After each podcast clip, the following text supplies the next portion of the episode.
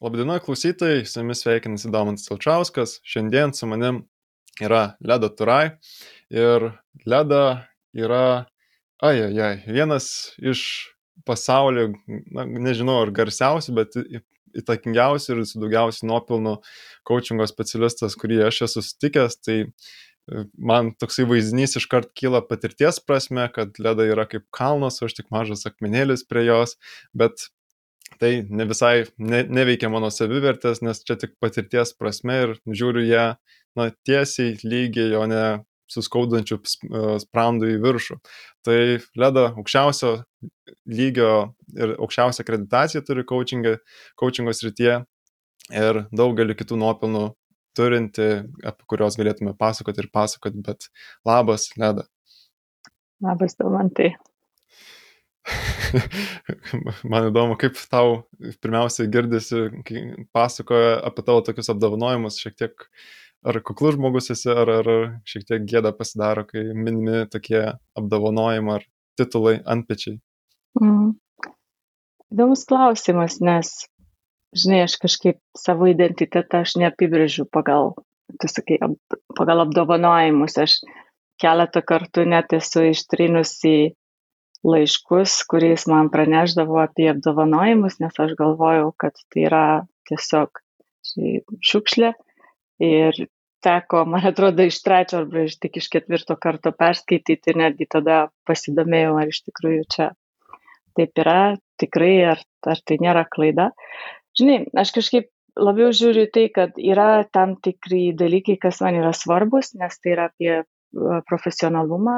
Pavyzdžiui, ICF kredencialai, tai rodo, kad aš turiu patirties, kad aš išlaikiau egzaminus, tai tikrai duoda ir tam tikrą gal pasitikėjimą savimi, ta prasme, kad mane egzaminavo žmonės, kurie visiškai manęs nepažįsta, tik tai žiūrėjo į mano įgūdžius. Ir, ir šią prasme aš labai džiaugiuosi bet, kaip sakiau, tai neapibrėžia mano identitetą, tai yra tik tai dalis profesionalumo. O kiti dalykai gal, žinai, aš labai vertinu, aš esu labai labai dėkinga už tai, kad aš gavau tos apdovanojimus, bet lab, kitaip atrodo, kai tu pradedi pristatinėti žmogų tik tai pagal apdovanojimus, nes aš esu patyrus ir tai, ką reiškia nukristi nuo piedestalo, kai žmonės pakelia, įsivaizduoja tokius nebūtus dalykus Ir, ir aš ateinu ir aš būnu savim, darau tą kaip visada ir, ir aš galiu nuvilti žmonės, nes, nes tai, kaip jie įsivaizdavo mane pagal tai, kas yra parašyta CV ir kaip jie interpretavo, tai nepilnai atspindi to, nu, tas, nežinau, mano asmenybės ar mano sielos, kažką tokio. Mm, nu tikrai, nereikia prisirišti prie apdovanojimų ir, na, kad nebūtų identitetų dalis, tai, nu ir stengsime šį pokalbį turėti, tokį ne per titulus, ne pagal pareigas, o kaip ir siela į sielą. Tada mano pirmas klausimas ir iškart čia iš kur ir gimo, gimė idėja pasikviesti tave, tai nuo pokalbio su Monika Valantaitė. Ji paminėjo, nebeatsimint tiksliai, ką mes buvom diskutavę, bendravę ir ji kalbėjo apie, man atrodo, kiek pats coachingo specialistas, kaip žmogus, kaip esybė ir su savo na, visais irgi šališkumais, kiek pats turėtų įeiti į patį pokalbį su coachingo klientu, kiek tai, na, turėtų laikyti coachingo poziciją, kuri yra neutrali, visai nešališka ir na, profesionali ir tiek, kiek įdėti žmogus pats, na, pats coachingo specialistas į patį pokalbį. Tai jį minėjau va, šitoj, šita, šitam tokiam kontekste elegantiškas coachingas. Tai aš noriu iš tavęs išgirsti, ką tau reiškia elegantiškas coachingas. Ja. Jo, aš man atrodo, aš prisimenu truputėlį tą pokalbį, uh, kurį turėjom su ją ir, ir tikrai nėra tokia šaka ir tokios uh, rūšies kaip elegantiškas coachingas, bet, um, žinai, aš daug kartų susidūriau beruoždama egzaminams coachingo specialistus su tokiais pasakymais, kad, nu, gerai, aš tik išlaikysiu egzaminą, o paskui vis tiek grįšiu prie tokio coachingo, kaip aš paprastai dirbu. Uh, kad šitos visos kompetencijos atrodo tik tai dirbtinai, visas coachingas yra uh, nu, toks linearus procesas. Ir tai nėra toks visiškai gal adekvatus ir gilus supratimas, nes visų pirma, ICF coachingo kompetencijos atsirado iš labai kruopščių tyrimų. Tai pirmą kartą buvo kurtos ir sukurtos coachingo kompetencijos berots apie 2000 metus, kai irgi buvo perklausyta šimtai įrašų ir, ir, ir klausėsi ir, ir tyrinėjo, kas tuose coachingo pokalbiuose yra labai efektyvu.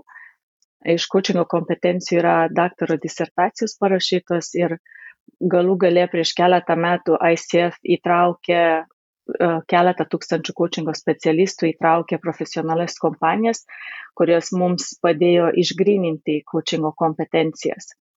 Ir tos coachingo kompetencijos, jeigu tu pasižiūri, yra labai labai žmogiškos kompetencijos. Yra apie santykį, apie komunikavimą, apie um, ap, apskritai apie tai, kaip galima pakviesti kitus žmonės neįprastai, šiek tiek efektyviau mąstyti.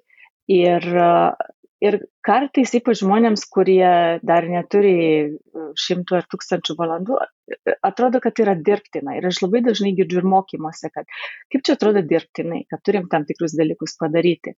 Ir aš tada sakau, žiūrėkit, vienas dalykas, jeigu pokalbį vykdysit arba vesit lygiai taip pat kaip visada, tada visada ir turėsit tokius pačius rezultatus kaip visada ir tada nėra prasmės mokytis coachingo. O jeigu norite tą išmokti, tai truputėlį yra taip, kad viskas, kas mums yra neįprasta, atrodo dirbtinai. Natūralumas atsiranda ne dėl to, kad kažkas yra labai gerai arba dėl to, kad kažkas yra labai tobula, bet tiesiog mums yra įprasta. Ir mokymasis ir atrodo dažnai taip, kad mes darom tai, kas mums yra neįprasta. Mums neišeina labai labai gerai ir sklandžiai. Ir tada atsiranda tas pojūtis, kad nu, tai labai nu, nėra organiška. Ir aš prisimenu ir daug kartų sakau, kai aš pradėjau uh, mokyti šokti, žinai, aš nuėjau su viltim, kad aš ten labai gražiai šoksiu, bus muzika ir labai ten sklandžiai vyks viskas. O pirmus kelis kartus net muzikos nebuvo. Buvo žingsniai, buvo skaičiavimas ir aišku, aš niekada tos, ele, tos elegancijos nepasiekiau, nes aš neturiu pakankamai patirties. Tai man elegantiškumas coachingė yra tai, kad kai mes labai gerai suprantam coachingo filosofiją, labai gerai suprantam coachingo kompetencijas, labai gerai suprantam coachingo pokalbį struktūrą, tada ne šablonas jaučiasi, ne tiek jaučiasi, žinai, tie žingsniai, ką po ko darom, bet jaučiasi tam tikras organiškumas, lengvumas, kūrybiškumas tame. Ir kitas palyginimas, kurį aš kartais sakau žmonėms, tai jeigu mes žiūrime į muzikantus, na, jie visada groja iš natų. Net uh, improvizacija turi tam tikrą struktūrą ir yra, aš nesu muzikantė, tai galiu šiek tiek nusišnekėti, bet man atrodo geras pavyzdys, kaip aš suprantu, kad, kad net improvizacijoje yra natos, yra pagrindai. Ir coachingė tai yra kompetencijos. Tu jų negali nepaisyti, bet priklausomai nuo tavo asmenybės, priklausomai nuo patirties, nuo tos nuotaikos, kurią mes turim kartu su klientu, tu negali du kartus sugroti lygiai taip pat to paties kūrinio. Ir man coachingas šiek tiek labiau panašu į tą improvizuotą džiazą, kai aš nežinau, ką pasakys klientas. Tai, tai bus jo muzika, ir, ir, ir, ir kartu mes kuriam, bet kompetencijos niekada niekur nedingsta. Ir tame atsiranda tas elegantiškumas. Žinai, at, atkreipiam dėmesį į subtilybės. Tas pats klausimas, apie ką nori šiandien kalbėti, tai turi tūkstančius atmainų ne, ne, neturi kiekvieną kartą paklausti, apie ką nori šiandien kalbėti. Bet tą pačią logiką mes turim kiekvieną kartą turėti. O kartais tai skambės taip, o kaip tu šiandien pokalbio pabaigoje norėtum pasijusti. Arba klientas kažką pasako ir labai organiškai galim tą mintį pratesti ir, ir taip išgrininti tą kontraktą. Tai aš manau, kad aš tą turėjau omeny, kai su Monika kalbėjom apie tai, kad galima labai elegantiškai daryti ir tada bus širdžiai mieliau. Jo labiau, kad uh, ICF sako, kad coachingas yra ir menas. Tai ne tik mokslas, ne tik praktika, bet tikrai yra ir menas. Hmm. Tai pati elegancija kyla iš pačių coachingo kompetencijų, pirmiausia, išmanimo ir taip pat jų taikymo. Ir man čia mintis kilo, kad ne vien, man atrodo, dirbtinai žmonės jaučiasi, kai, sakykime, taiko, na, tam tikrus naujus klausimus, ar tai kažkokia struktūra, kuri atitinka.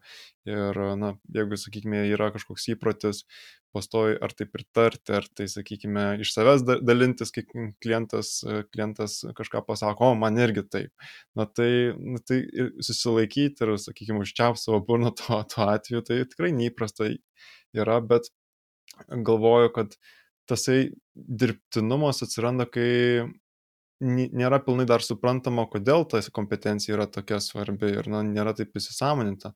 Pavyzdžiui, mintis, kad jeigu ne, pilnai nesuvoki, kodėl tu tai darai ir tu tai taikai, na tai prie ko čia, prie ko čia toksai kaip vos ne kaip uždėjimas tos varnelės prie, prie pokalbio struktūros ir tas jaučiasi dirbtinai, kad darai dėl išreikalo, ne dėl to, kad tu nori.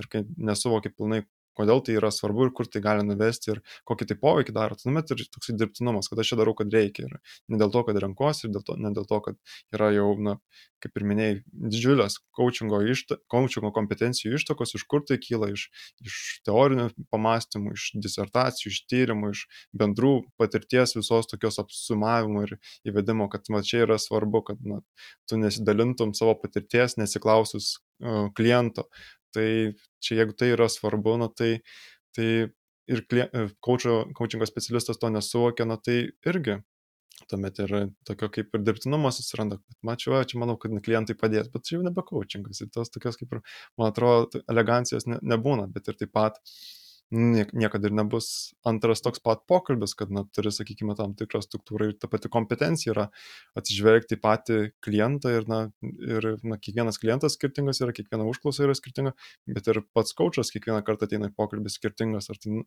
emocijų, nuotaikos, ar tai prisiskaitęs e, tą savaitę kažkokių naujų straipsnių, tai visa informacija tiesiog daugiau yra pakelta į viršų ir kažkas labiau kabina dėmesį.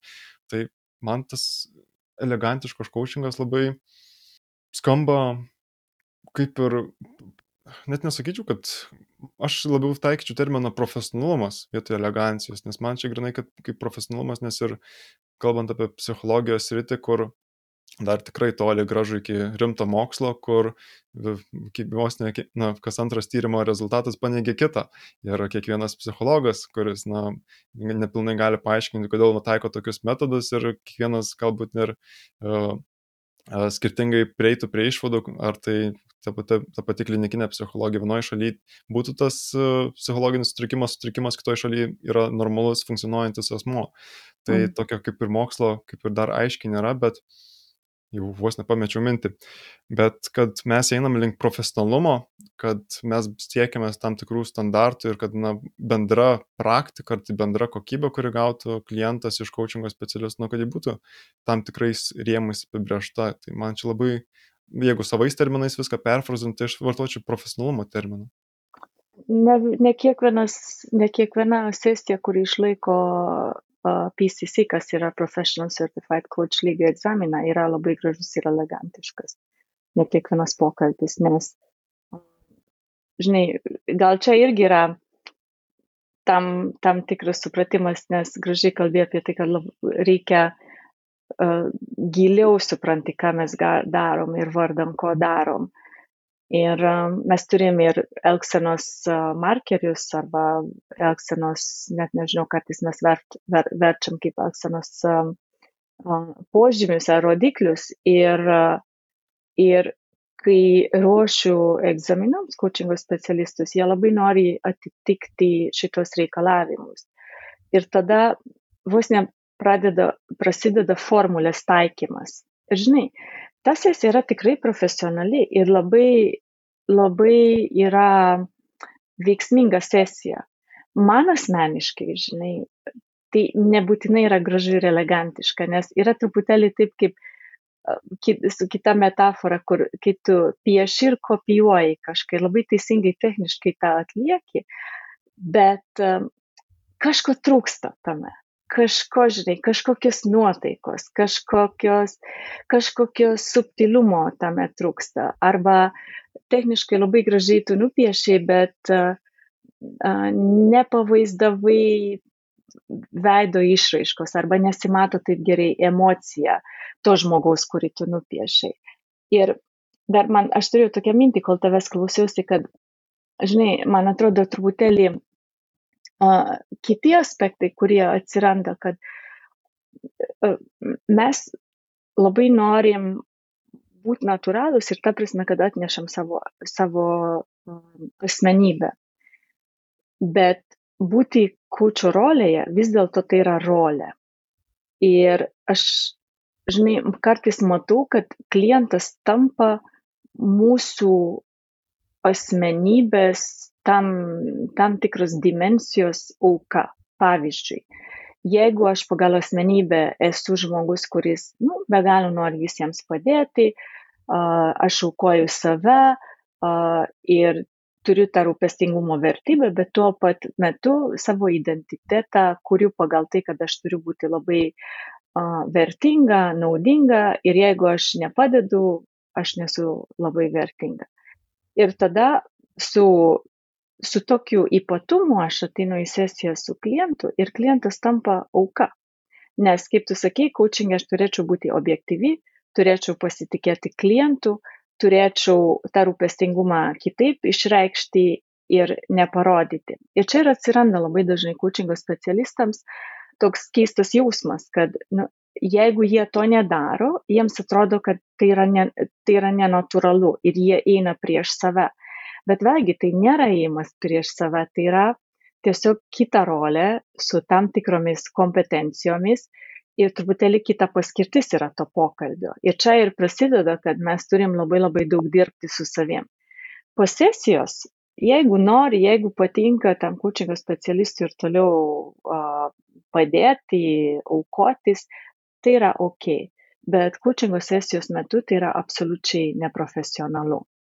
Tai vat, čia ir, ir, ta, ir, žinai, čia irgi gali atsirasti ta elegancija, kaip aš visą tai darau, kaip aš, kaip aš um, uh, išlaikau tą objektivumą arba kaip aš bendrauju šiltai su klientu, dalį savęs arba dalį savo įpročių palikdama uh, už coachingo sesijos ribų, bet vis dėlto uh, atneždama savo um, tam tikrą dvasią. Gal aš ir nesakysiu asmenybę, nes nu, į asmenybę labai daug sudedam, bet tam tikrą stilių, tam tikrą dvasią, kuri labai gerai uh, dera prie, prie, prie profesionalumo ir prie tų reikalavimų.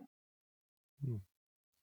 Labai patiko tavo išryškinimas, kodėl tu to nelaikai profesionalumu tarp kopijavimo ir piešimo čia pilnai sutinku, nes tikrai gali būti profesionalas ir nu, nutapyti, nežinau, Da Vinčio ar tai Picasso tą patį kūrinį identiškai, bet, na, tai kopijavimas. Ir nors tu profesionalus žinai tas technikas, bet kažko trūksta.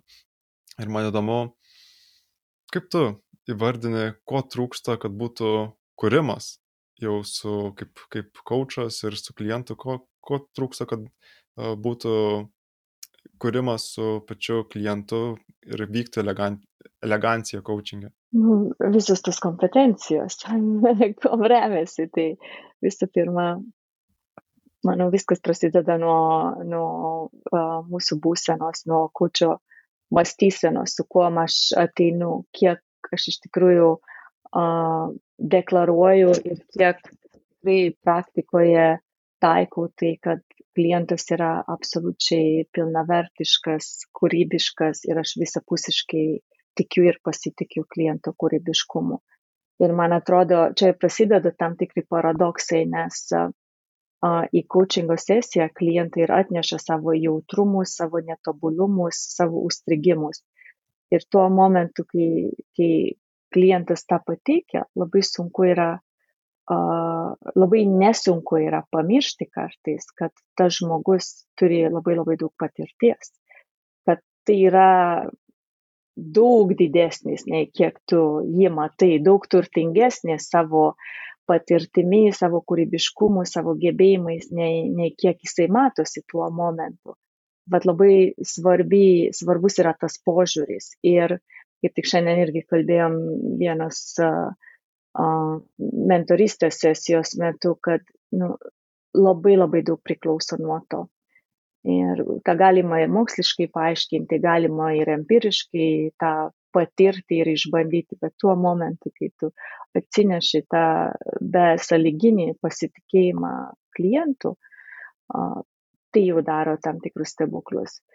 Kitas dalykas, tas, žinai, sukurti tą erdvę, kur abu gali būti saugus. Ir čia labai noriu akcentuoti tai, kad abu nes kartais mes per daug dėmesio skiriam klientui ir norim, kad klientui būtų viskas gerai, bet nepasirūpinam savim ir nesukuriam tokios erdvės, kur ir mūsų poreikiai gali būti patenkinti. Ir aš tada dažnai girdžiu iš coachingo specialistų klausimus, bet ar aš galiu pertraukti, ar aš galiu tą padaryti.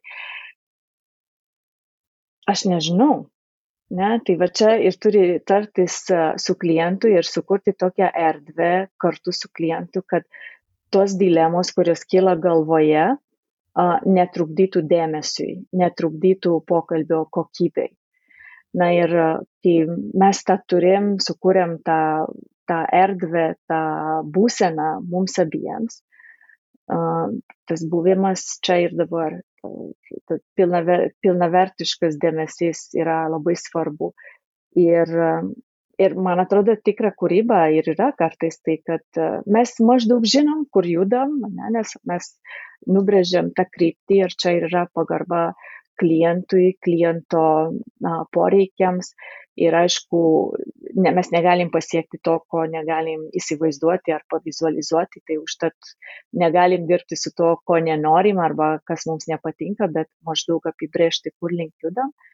Ir man atrodo, kad kūryba yra toks palaipsninis procesas, kad aš nežinau, kas bus po minutės, aš nežinau, ką paklausiu, dėl to, kad dar klientas nebaigia kalbėti. Ir toks žingsnis po žingsnio ir, ir pradeda kurtis uh, kažkas, pradedam kurti kažką, kas uh, yra nepakartojama, kas egzistuoja tik tai šito pokalbio metu. Tai va šitas momentas. Antras dalykas, man atrodo, kad gera kūryba yra, yra kūrybiškas sujungimas įvairių dalykų, suderinimas. Kita vertus, coachingo pokalbis man nėra linearus procesas, o man yra toks procesas, kur labai stebiu, kas su kuo jungiasi. Tai va čia galbūt šitie būtų tokie kertiniai pagrindiniai elementai ir žinoma, kas yra labai labai svarbu ir ko dar nepaminėjo, tai labai didelis smalsumas. Smalsumas, um, buvimas neužtikrintume, buvimas nežinojime, čia irgi yra kertiniai dalykai ir irgi paradoksalu, nes mes labai dažnai norim žinoti, labai norim būti saugume, užtikrintume, bet tai ir stabdo kartais mąstymą, stabdo smalsumą, stabdo gerus klausimus, stabdo gebėjimą pastebėti uh, tam tikrus dalykus, kurie gali būti labai reikšmingi. Nu, labai gražiai nupiešė visą vaizdinį, kuo skiriasi kopijavimas nuo kūrybos.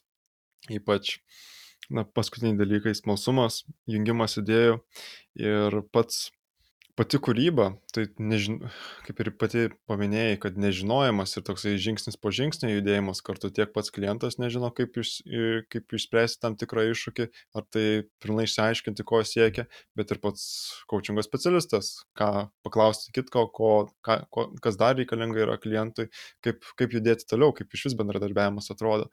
Tai toksai E, nežinojime man svarbus labai pasitikėjimas, kuris yra pačio asmens kaip coachingo specialisto, kad pasitikiu, kad na, aš uh, pasitikiu savimi, nežinojimo būsinoje, kad aš galiu padėti ir taip pat pasitikėjimas klientu, kad jis nors ir dabar galbūt ir struglina tenais ir kažkaip sunkiau neranda atsakymų, bet ir pati minėjai, kad jo tu nematai, koks yra didžiulis potencialas, su kuo atėjo žmogus ir galbūt ir yra tokie kaip ir bedugniai emociniai, kad na, kažkas čia man labai sunku ir nei, neišeis paveikti, bet na, ir va, tas gali apgauti ir iliuziją. Aišku, čia, kai kalbant apie psichologinius sutrikimus, tai visai kita tema, bet vis, vis tiek yra tokie sunkumai, o čia niekas nesigauna.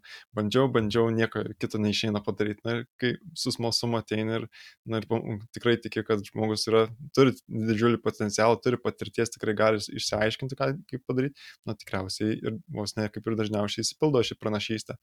Tai ir labai gražiai šitas kaip ir pokalbis dabar palinks ir kur šiandien norėjau dar ir nueiti apie psichologinį saugumą, nes taip pat pats pradėjau daugiau domėtis ir organizacija, ir organizacinė psichologija, ir bendrai kursinį darbą iš to rašau.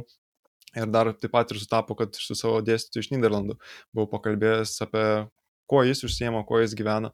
Ir prisiminiau Amy Edmondson darbus apie psichologinį saugumą, kad tai yra pats skirtinis aspektas, kad na, būtų ir aukštas pasitikėjimas tarp komandų, ir aukštas našumas, atliktis, performance.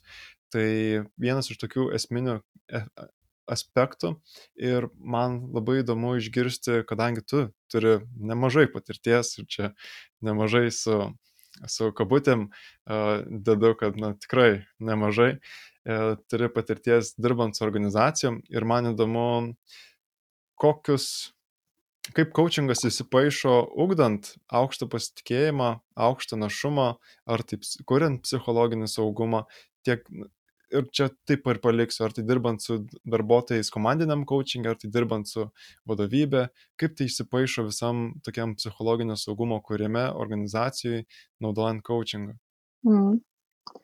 Jo, čia turbūt galima iš įvairių aspektų tą nagrinėti. Tai vienas dalykas, kad labai sunku turėti coachingą, jeigu apskritai nėra psichologinio saugumo. Pavyzdžiui, pavyzdžiui komandinis kaučingas neveiks jeigu komandoje nėra psichologinio saugumo ir negalima negalima saugiai reikšti mintis saugiai analizuoti kažką kartu. Lygiai taip pat neveiks jeigu lyderis nekuria to psichologinio saugumo su komandos nariais tarpusavio santykiuose tai šia prasme žinai tai yra labai labai svarbu kad galima būtų pradėti kaučingą kitas dalykas kartais žinai tą pasitikėjimą ir psichologinį saugumą vos nežiūrima kad tai yra arba nėra tokie absoliučiai dalykai bet tai yra kuriama ir perkuriama.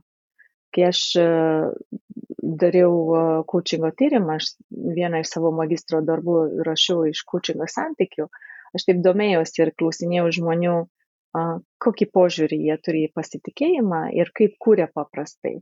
Ir buvo du tokie pagrindiniai aspektai. Tai vieni sakydavo, oi, aš ten atiduodu visą pasitikėjimą šimtų procentų iš anksto ir jeigu nuvilia manęs, tada aš tiesiog nebepasitikiu arba ten labai mažai pasitikiu ir užsidarau. O kiti sakydavo, kad, na, tai aš ten duodu truputėlį tokio bazinio pasitikėjimo ir paskui jeigu žmogus susidirbo karmos tašku, tada aš didinu tą pasitikėjimą. Tai mes coachingė, e, arba bent aš žiūriu į tą pasitikėjimą ir, ir psichologinį saugumą, kad tai yra sąmoningas procesas, kad kartu tą kuriam, kad kartu aiškinamės tuos veiksnius, kurie yra reikalingi tam, kad mes galėtumėme vienis, vienas kitą pasitikėti.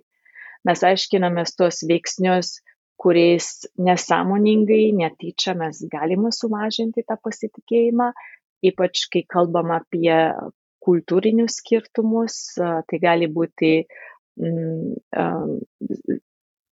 skirtingų, kad ir skirtingų komandų kultūra, nes organizacija irgi nėra visiškai homogeniška bet gali būti tarptautinė organizacija ir, ir kultūriniai skirtumai yra pakankamai svarbus ir mes, jeigu nežinom, kaip kiti masto, aš, pavyzdžiui, labai daug dirbu su kiniečiais, tai man reikėjo truputėlį suprasti ir perprasti tą logiką, kas, ką aš galiu ir ko negaliu daryti. Ir netgi aš turiu kai aš dirbu, kiniečiai yra tik vienas pavyzdys, nes su jais aš nu, labai labai daug dirbu, bet aš turiu uh, klientų iš įvairių pasaulio šalių ir, ir aš dažnai klausiu, ką aš turėčiau žinoti apie tavo kultūrą, ką aš turėčiau uh, gerbti, kur yra tie dalykai, uh, kur aš žinai, visiškai nevalingai, netyčia, nežinodama tavo kultūrą, galiu padaryti tokių klaidų, kad susviruos mūsų tarpusavio pasitikėjimas.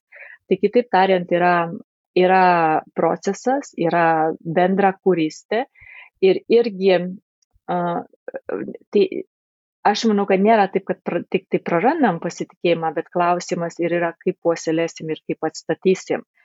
Iš ko atpažinsim, kad pradeda, pradeda tas pasitikėjimas silpnėti, kad mes dar laiku pagautumėme ir įsiaiškintumėme.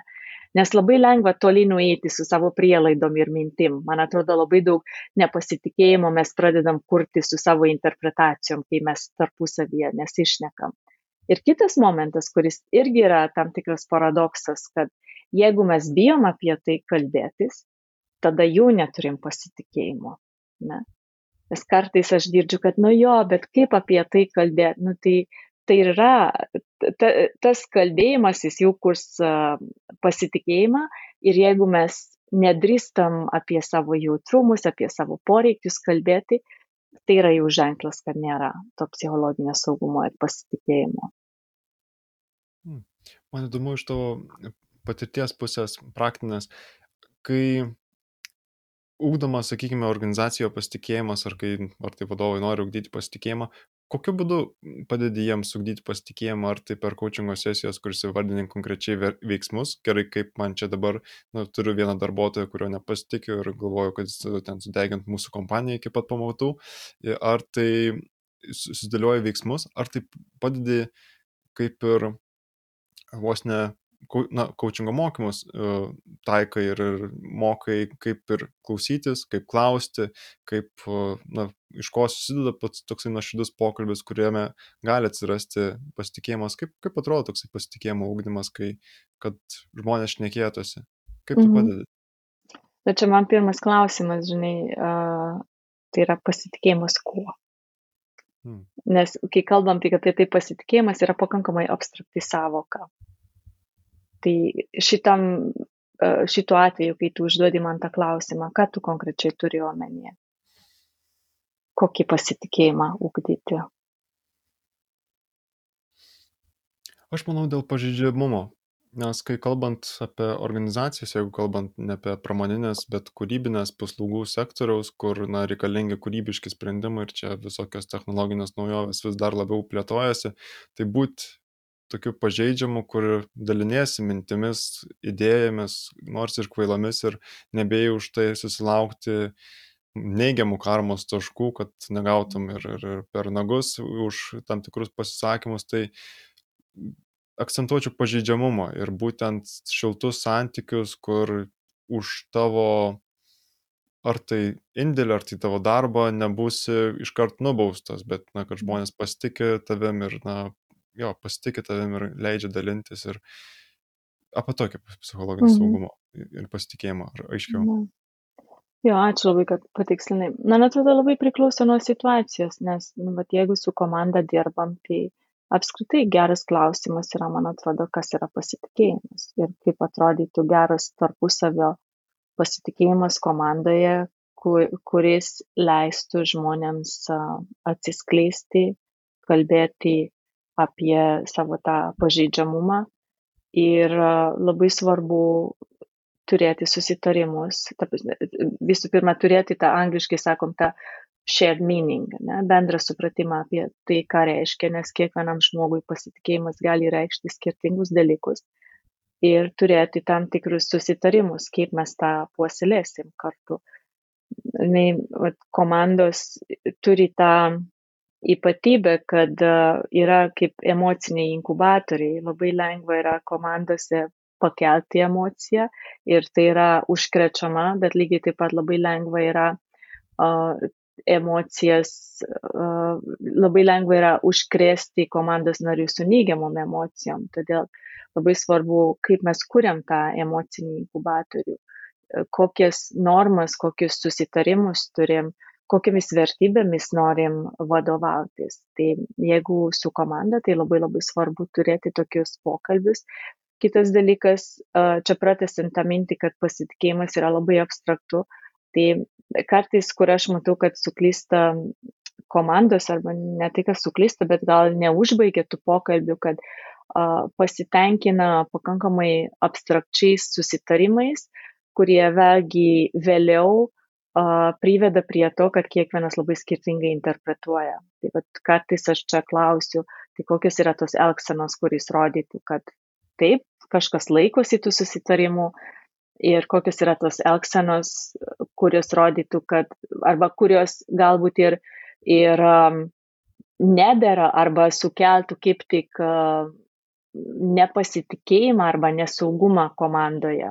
Aš norėjau, aš ieškojau, kaip, kaip pavadinti kitaip, kad, nu, bet trigerina. Ne?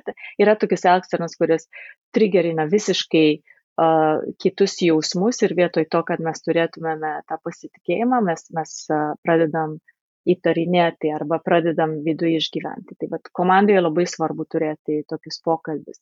Ir žinoma, žinai, kai dirbu su jais, aš daug ką stebiu, aš, aš e, jau iš to, kaip jie bendrauja ir kaip, kaip kalba šitą temą, jau labai daug ką pasako apie tai, kiek yra to pasitikėjimo, kiek žmonės drįsta kalbėti apie savo jausmus, apie savo poreikius, kaip kiti reaguoja į tai, kokios yra tos reakcijos.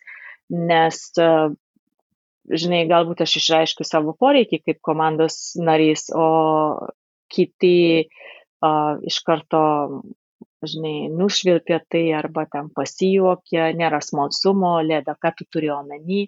Tai tokie dalykai irgi labai daug ką rodo. Tai kitaip tariant, žinai, stebėti tai, ką jie sako, bet kaip jie sako, kokios yra reakcijos.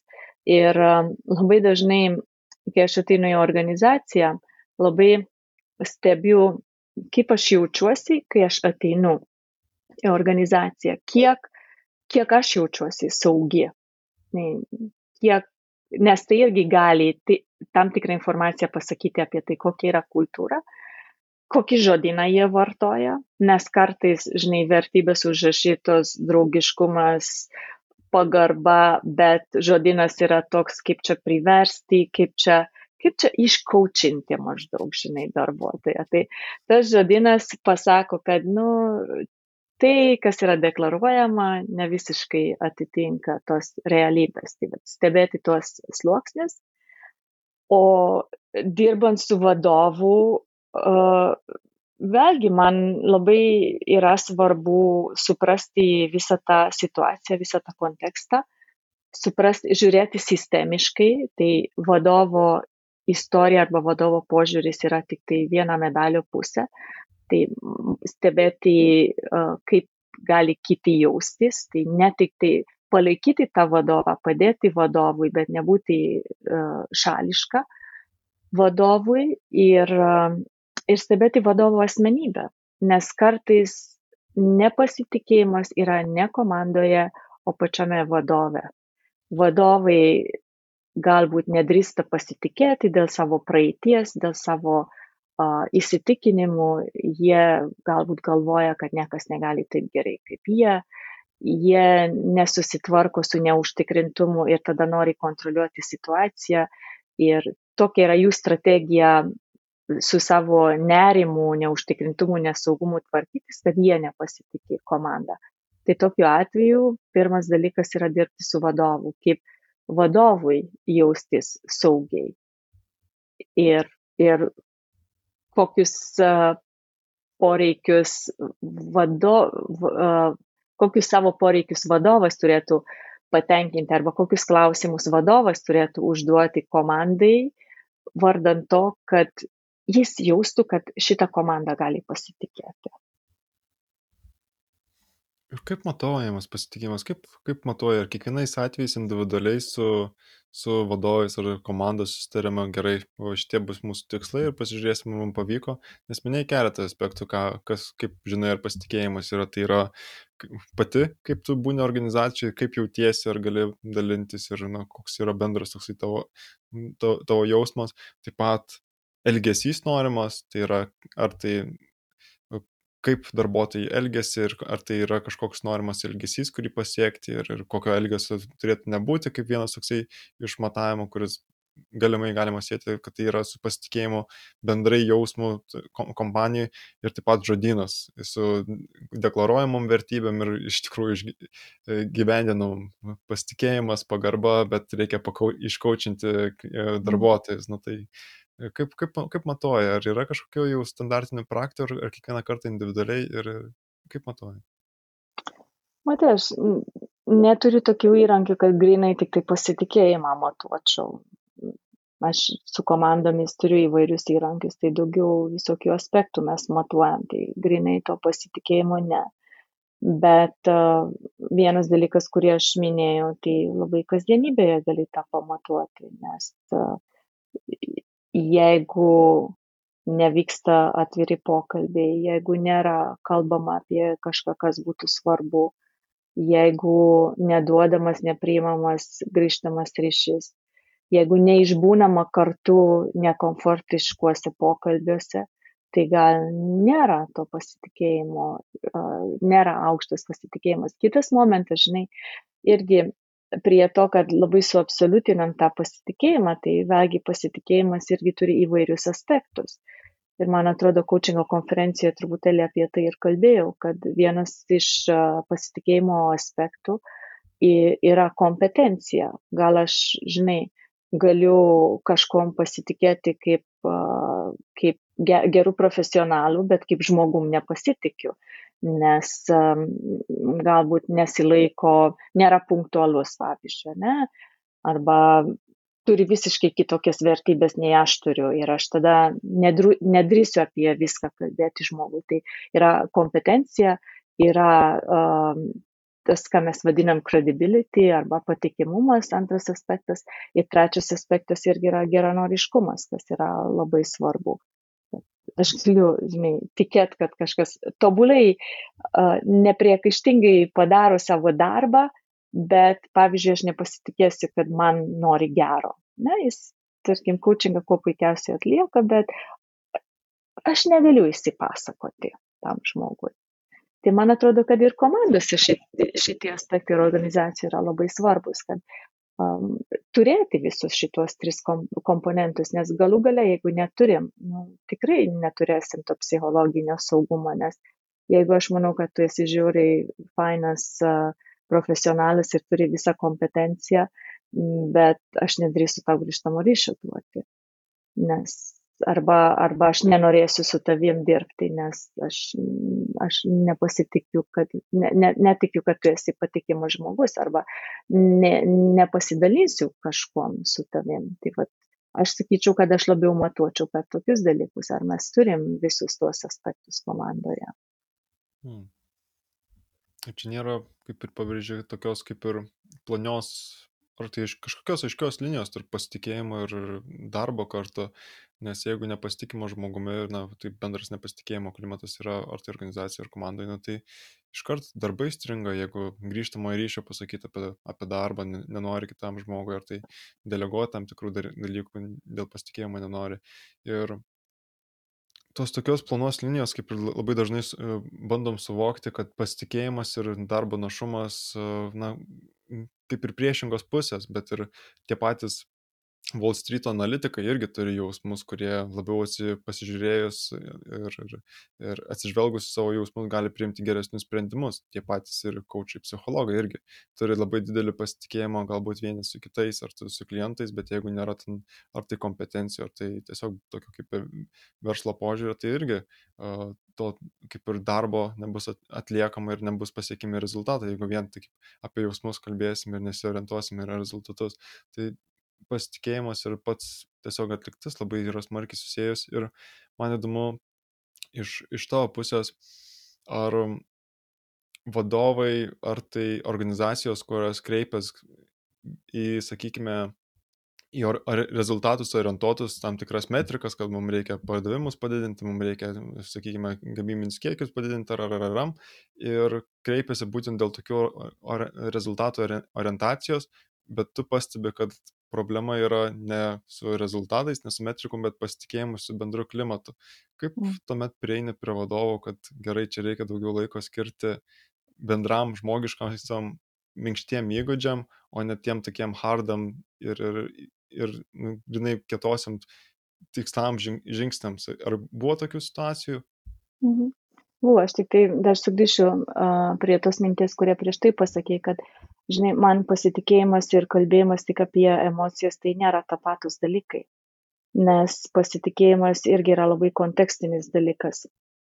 Aš nemanau, kad reikėtų taip suprasti, kad tada turim pasitikėjimą, jeigu mes galim čia įsiverti ir, ir visas emocijas pasakyti, bet labiau sakyčiau, aš klausiu taip, kokio tarpusavio pasitikėjimo mums reikia, kad mes galėtumėme uh, konstruktyvius, gerus pokalbius turėti apie tai, ką turim padaryti ir apie tarpusavio santykius, profesinius, dalykinius, nes kitas momentas, kur nu, aš tai challenginu, nežinau, ar, ar visi sutiktų su manimi ar ne, bet ne, neretai organizacijos bando šeimininę kultūrą sukurti organizacijoje.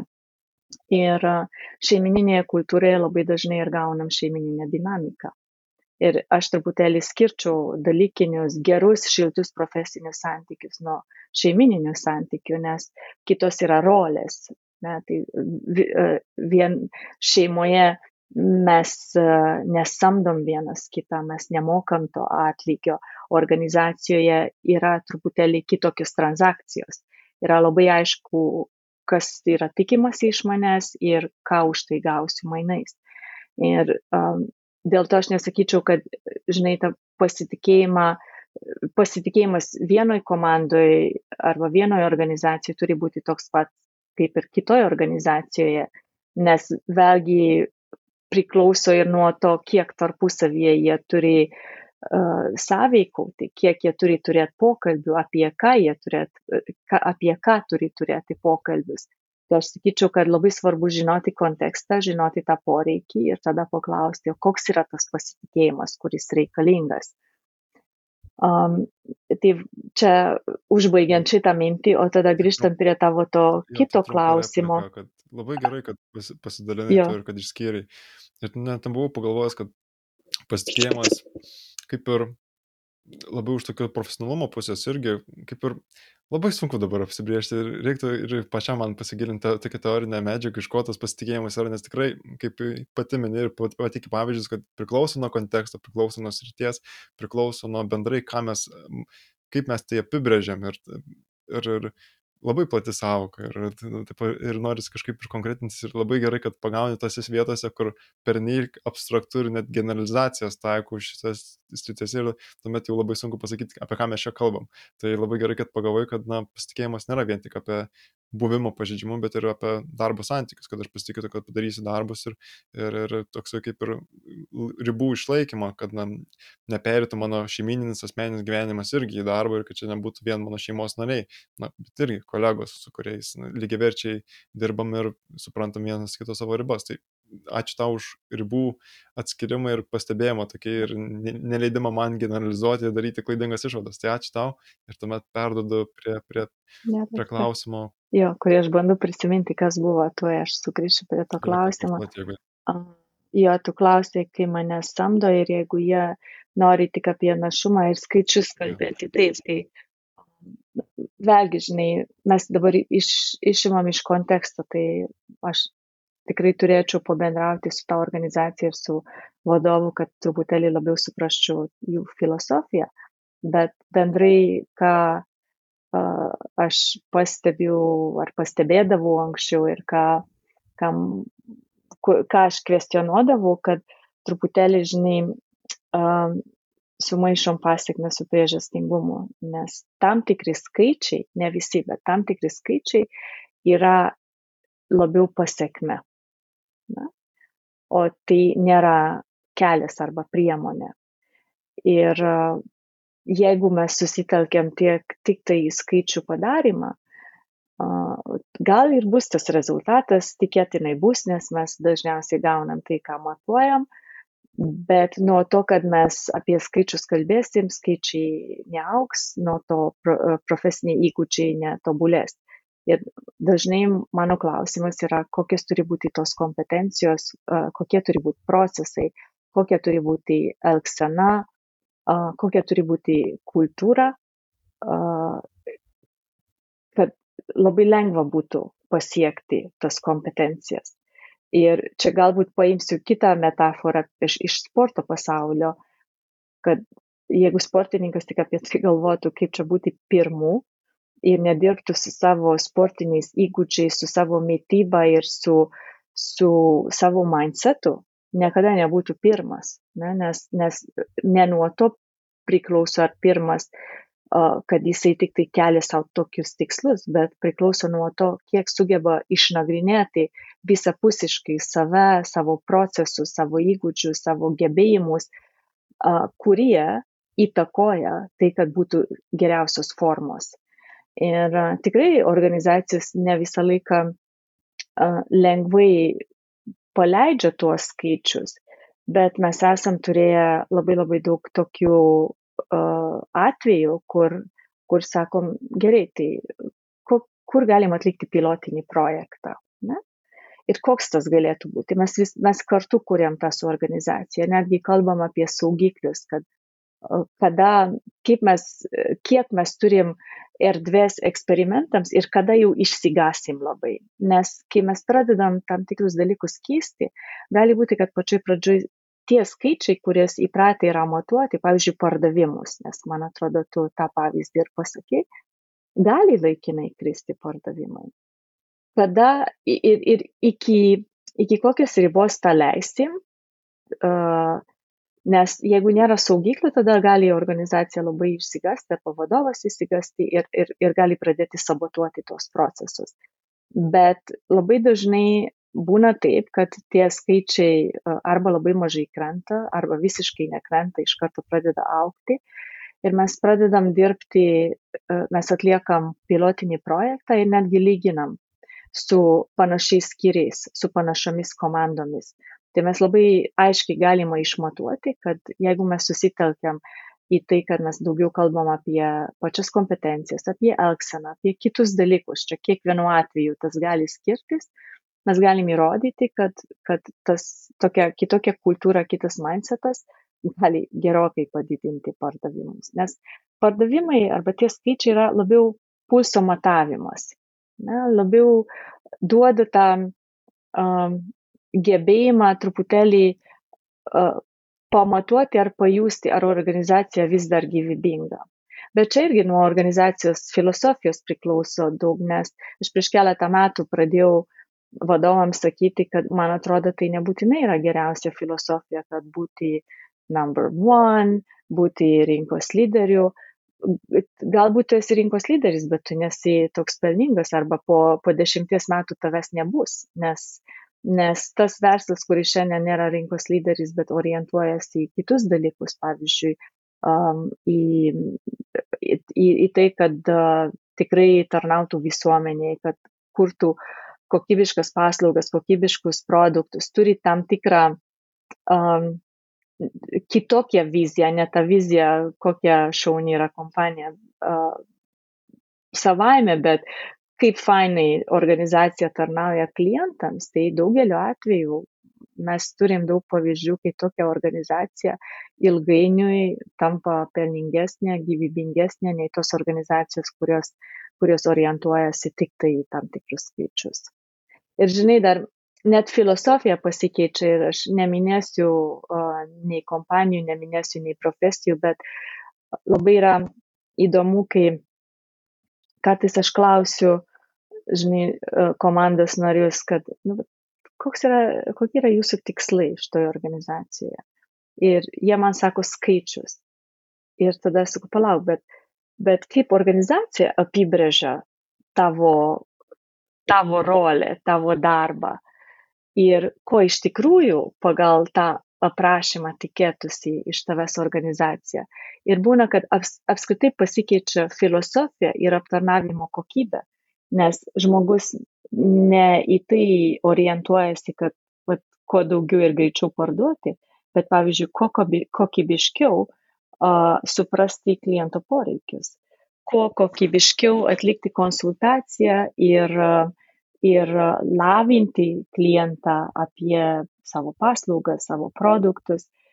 Ir galbūt tai tuo momentu neturės skaitinės išraiškos, bet ilgainiui uh, iš to kliento gali daug daugiau naudos gauti, gali daug didesnių pardavimų būti.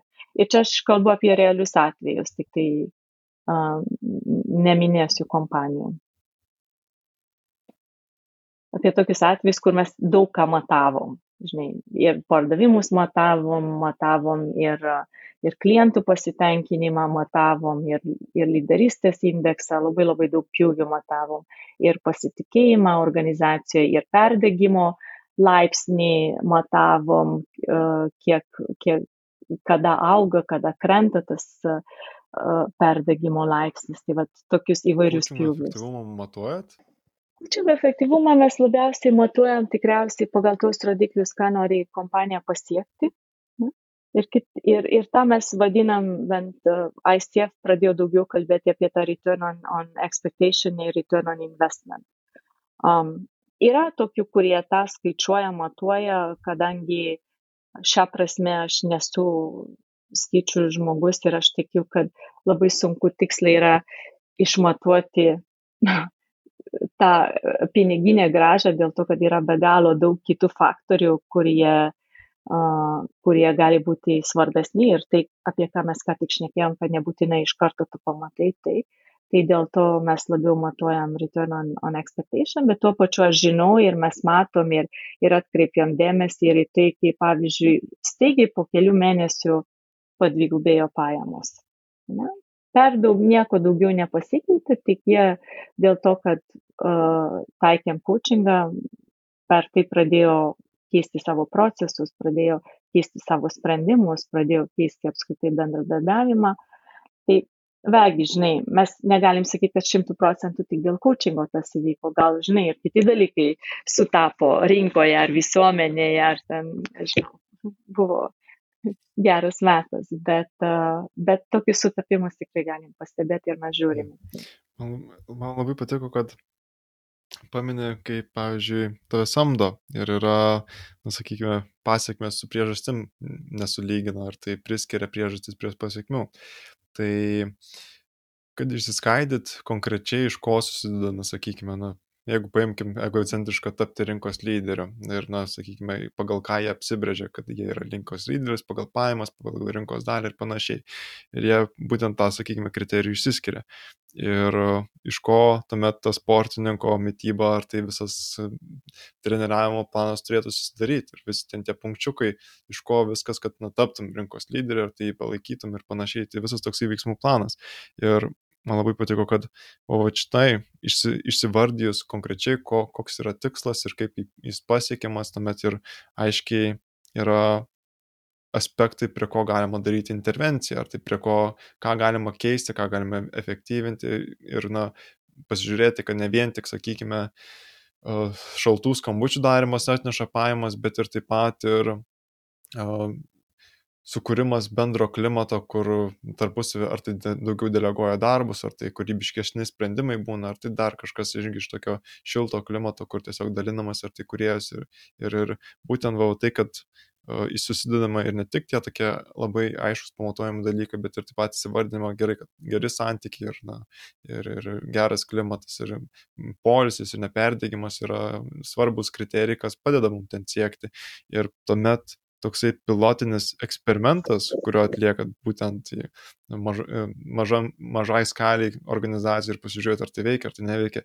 Kai kurie išsigąsta, kad o čia mhm. biški reikia pe, uh, prisitaikyti prie pokyčių ir pardavimai krenta, tai vadovai galbūt irgi, kurie nori kontroliuoti dar labiau, kinkos drebo, ką čia mes padarėm su to coachingu, bet uh, kad pa, ištestuojat pačias idėjas ir pasižiūrit, kaip tai viskas eina ir turit tam tikrus saugiklius, kad čia visai visko pakeitus ir visai ir, ir, ir nebesi, nebe, neišeina net įvykdyti pagrindinių funkcijų įmonės, kad, na, sakykime, jų pardavimai visai nukritę, bet kad viską turit aiškiuose rėmuose, kad uh, turit procesus ir žiūrit ir taikot ir jeigu viskas pasteisina, pritaikot ir organizacijai. Ir kalbant apie egocentriškumą ir ir tokį kaip ir poveikį ar tai tarnavimo bendruomeniai, patį požiūrį, požiūrį filosofiją įmoniai, tai irgi čia, man atrodo, coachingas irgi aiškiai gali praplėsti, kad ne vien tik aš, ką aš noriu pasiekti organizaciją, bet ką aš taip pat noriu duoti ir tai čia irgi energijos suteikia. Tai, tai mm. labai, labai pati tavo patirtis, kaip prie to prieini ir, na, tiesiog nuostabu, prie ko galima pridirbti, kiek galima iš to išlošti ir kiek galima tai padėti per, na, sakykime, padvigubinti pardavimus. Na, čia labai elementariausias pavyzdys, nes, kaip ir pati minėjai, kad pats pasitikėjimas labai abstraktus ir labai sunkiai pamatuojamas, bet kaip, ką galima pakeisti, darant tokias intervencijas ir, na, nebūtinai žiūrint į našumą, bet žiūrint į pačias priežastis, kodėl jis kyla, tai man atrodo labai didelį poveikį gali padaryti. Ir labai džiaugiuosi, kad turiu galimybę iš tavęs tai būtent išgirsti ir būtent tavo pa patirtį. Ar gali pasidalinti kažkokių iššūkių, kurie kyla ar taikant coachingo organizacijose ir kartais iš situacijos, kuriuose tai neveikia? Aš galvosiu, kol kalbėsiu, nes gal neturiu iš karto, žinai, tų aiškiausių pavyzdžių, bet, žinai, kai aš klausiausi, kaip tu atspindėjai mane, aš pagalvojau, kad čia ir yra coachingo principas, kad mes kartu kuriam su organizacija. Aš tikrai neatnešu savo tam tikrų procesų, nes aš nesu konsultantė. Aš nesu verslininkė vienintelis dalykas, ką aš galiu daryti, tai atsisėsti ir kartu kurti su jais. Ir sukurti visas tas sąlygas, turėti tos klausimus, kuriais aš paskatinu, kad jie mąstytų ir kurtų. Tai va čia irgi ne, visi tie projektai yra bendra kuristė. Ir gal per šitą ir galiu prieiti truputėlį prie to, kad kada gali neveikti, jeigu organizacija nori kažkokiu labai greitų receptų ir nėra linkusi investuoti laiko ir energijos į tai, kad mes kartu suprastumėme ir kartu sukurtumėme. Tai, tai pavyzdžiui, kai mes dirbam su kultūriniais projektais ir, ir, ir keičiam visą organizacijos kultūrą, kurio pasiekoje paskui organizacija ir, ir veikia efektyviau, tai tokie projektai tok, tie galutiniai, galutiniai rezultatai pasimato po pusantro dviejų metų. Ir jeigu, žinai, mes neturim tos galimybės su organizacija bendradarbiauti ir, ir uh, kokybiškiau, aš ne visą laiką matau prasmės tame, nes aš per dvi dienas negaliu stebuklų sukurti. Ir tokie projektai, aš, aš mokusi iš savo klaidų ir mokusi iš savo patirties, kad gal kartais to nepabrėžiu labai labai gerai iš anksto ir, ir aš esu turėjus keletą tokių atvejų, kur ne, neįsitikinau, ar iš tikrųjų organizacija yra pasiruošusi tam. Ir, ir tada uh, tai neduoda to, to poveikio. Kitas dalykas, kur irgi yra labai įdomu ir čia ne tik iš mano patirties, bet, bet ir, ir iš kitų patirties, kiek vadovas yra pasiruošęs tam, kad keistumėme tą organizaciją. Dabar gal teko tau matyti daug Lietuvoje kalbama apie Baskų metodą, apie um, savaiminės organizacijas, tas self-organizing uh, organizations ir komandas ir man pačiai teko būti Ispanijoje lankiamas organizacijose.